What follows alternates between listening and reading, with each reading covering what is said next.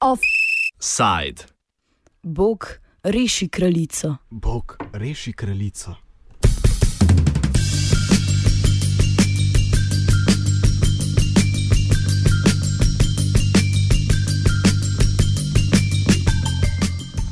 Britanski laboristični stranki so se začele volitve, na katerih bodo izbirali novega predsednika stranke, trajale pa bodo slab mesec dni.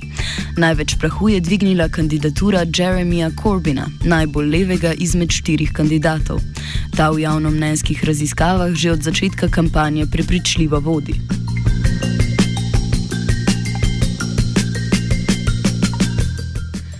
Volitve je sprožil odstop Eda Milibanda, pod čigar vodstvom je stranka na nedavnih državno-zborskih volitvah doživela nepričakovano hud poraz in vodstvo države vnovič prepustila konzervativcem. Tako Korbinov štab, kot tudi mnogi voljivci so zato ukrivili preveč sredinsko pozicijo laboristične stranke, ki jo zdaj želijo popeljati nazaj na levo. My goal is to reduce inequality. To completely end inequality is obviously a very difficult thing to do, but the levels of inequality that have grown to such catastrophic levels in Britain have to be challenged. The 100 richest people own as much as a third of the entire population. We have the grossest levels of income disparity of anywhere in Europe. We have the very wealthy buying up large parts of London in order to keep it empty and use it as, a, as an investment bank.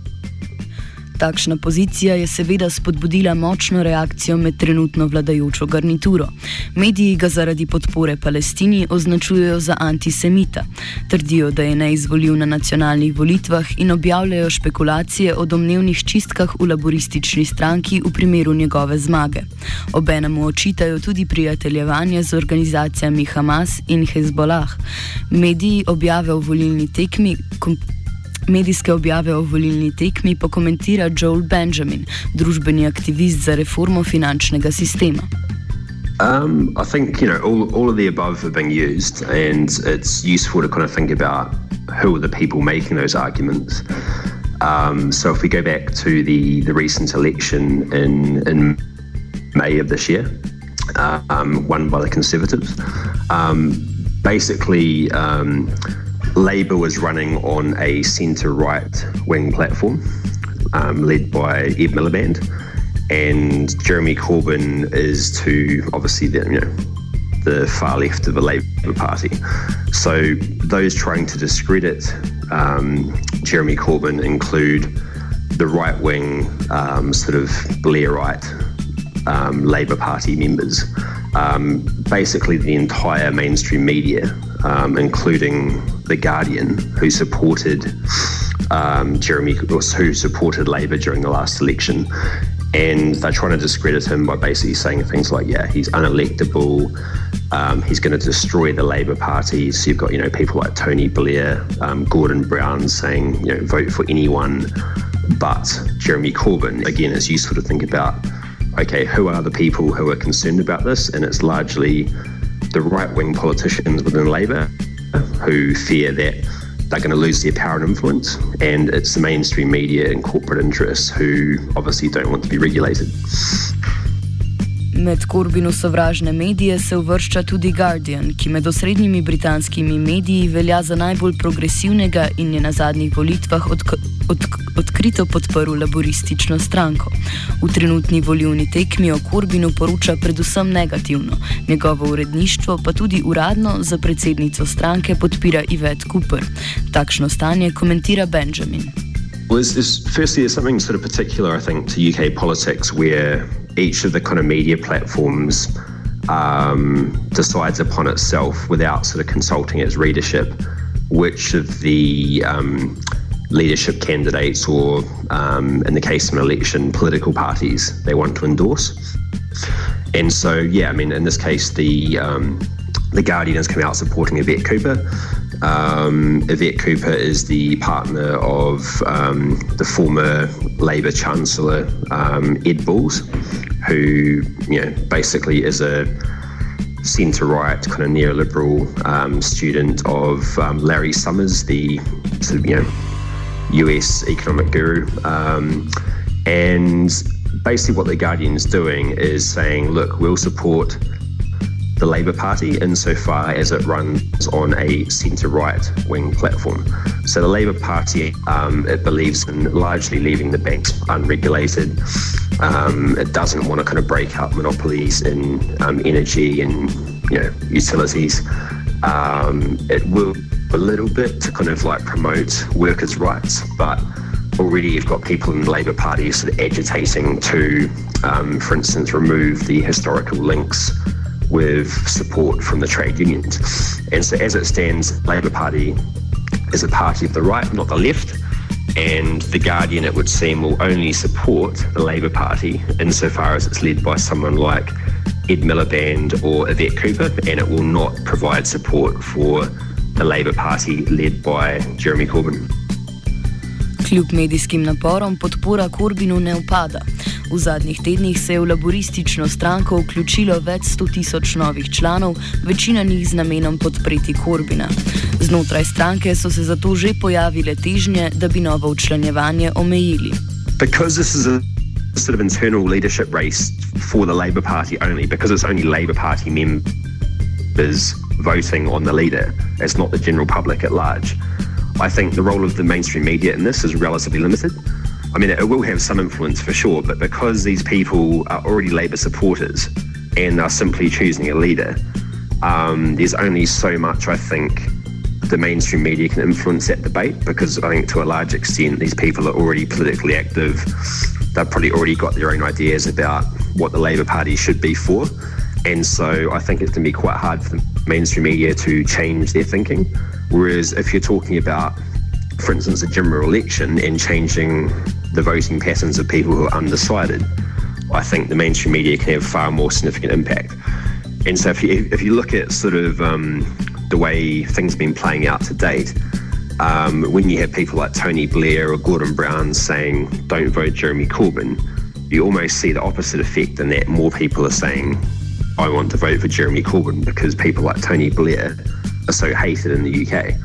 And so it's almost a case of the more the media say don't vote for this person, it's having the opposite effect and it's kind of increasing its support. Velik del novo odkritih podpornikov, ki jih je pritegnil Corbyn, so da sedaj apolitični mladi, za katere sam upa, da bodo kmalo postali aktivni člani stranke. Se torej na britanskem političnem prizorišču pojavlja nova politična sila? Joel Benjamin. Yeah, I think it is. I mean, Jeremy Corbyn has got an increasingly um, sort of vocal um, support group from young people, in particular, um, young students. And part of the reason for this is that in, in 2010, the uh, coalition government raised student tuition fees for university in the UK from £3,000 to around £9,000 per year. So tuition has become particularly expensive now for UK students, and what we're seeing is a sort of gradual decline in people from sort of underprivileged, kind of poor backgrounds going to university. And what Jeremy Corbyn is proposing is um, free university education for all, um, which is obviously a policy which would be hugely popular um, with younger voters. And so you're seeing a large uptick in support for Labour and for Jeremy Corbyn in particular amongst that group. Um, so, yeah, he is um, reaching out to younger people and he's also talking about um, issues such as climate change, which are of particular concern to younger voters as well. Uh, but I'd put a lot of the support um, for Corbyn around his policies on things like social housing, university education, um, I think those would be probably the, the two most popular campaigns he's running, alongside things like um, renationalising the UK railway system and taking on the big energy companies.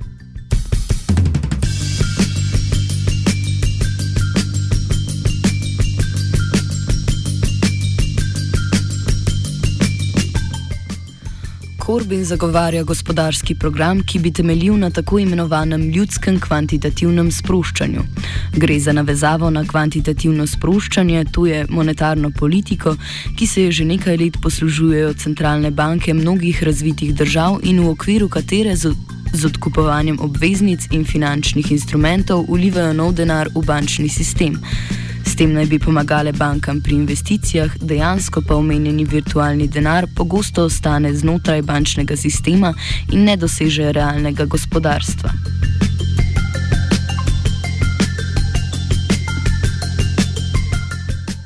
Corbyn bi vzpostavil podoben program, le da bi nov denar preko državnih investicij na mesto v banke usmeril v gospodarstvo. Poleg tega se, kot že omenjeno, zauzema za re renacionalizacijo železnic, dela energetike in pošte. Gre torej za klasičen program državnih investicij, ki pa je požel številne kritike, čež da bi povzročil nekontrolirano inflacijo in uničil temelje britanskega gospodarstva. Prislih prisluhnimo nekaterim kritikom, začenši s Tonyjem Blairom. And it's not about it's not, it's not about an individual. It's it's about a platform that, in the end, wouldn't work for the country. And I want to stress that because it wouldn't take the country forward. It would take it backwards. So that, that's why it's that's why it's not the right thing to do.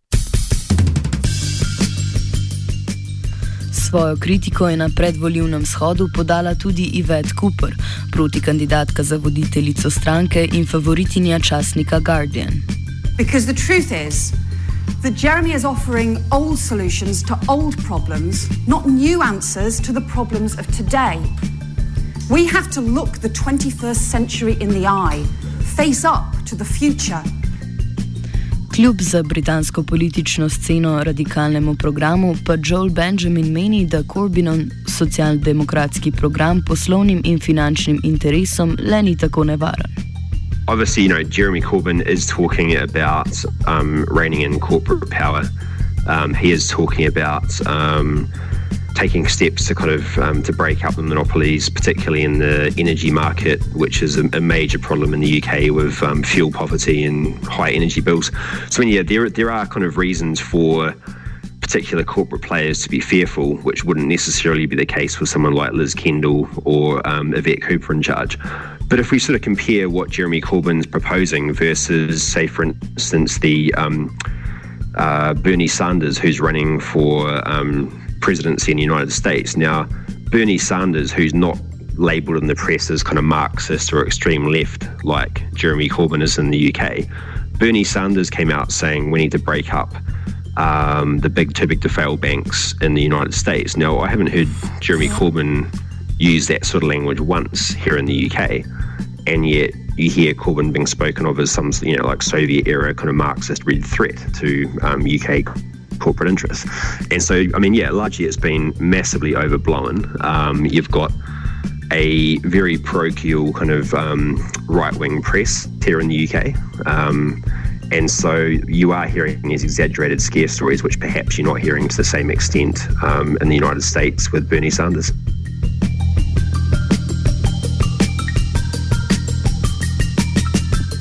Offside sta pripravila Twitter in Vanka Katja.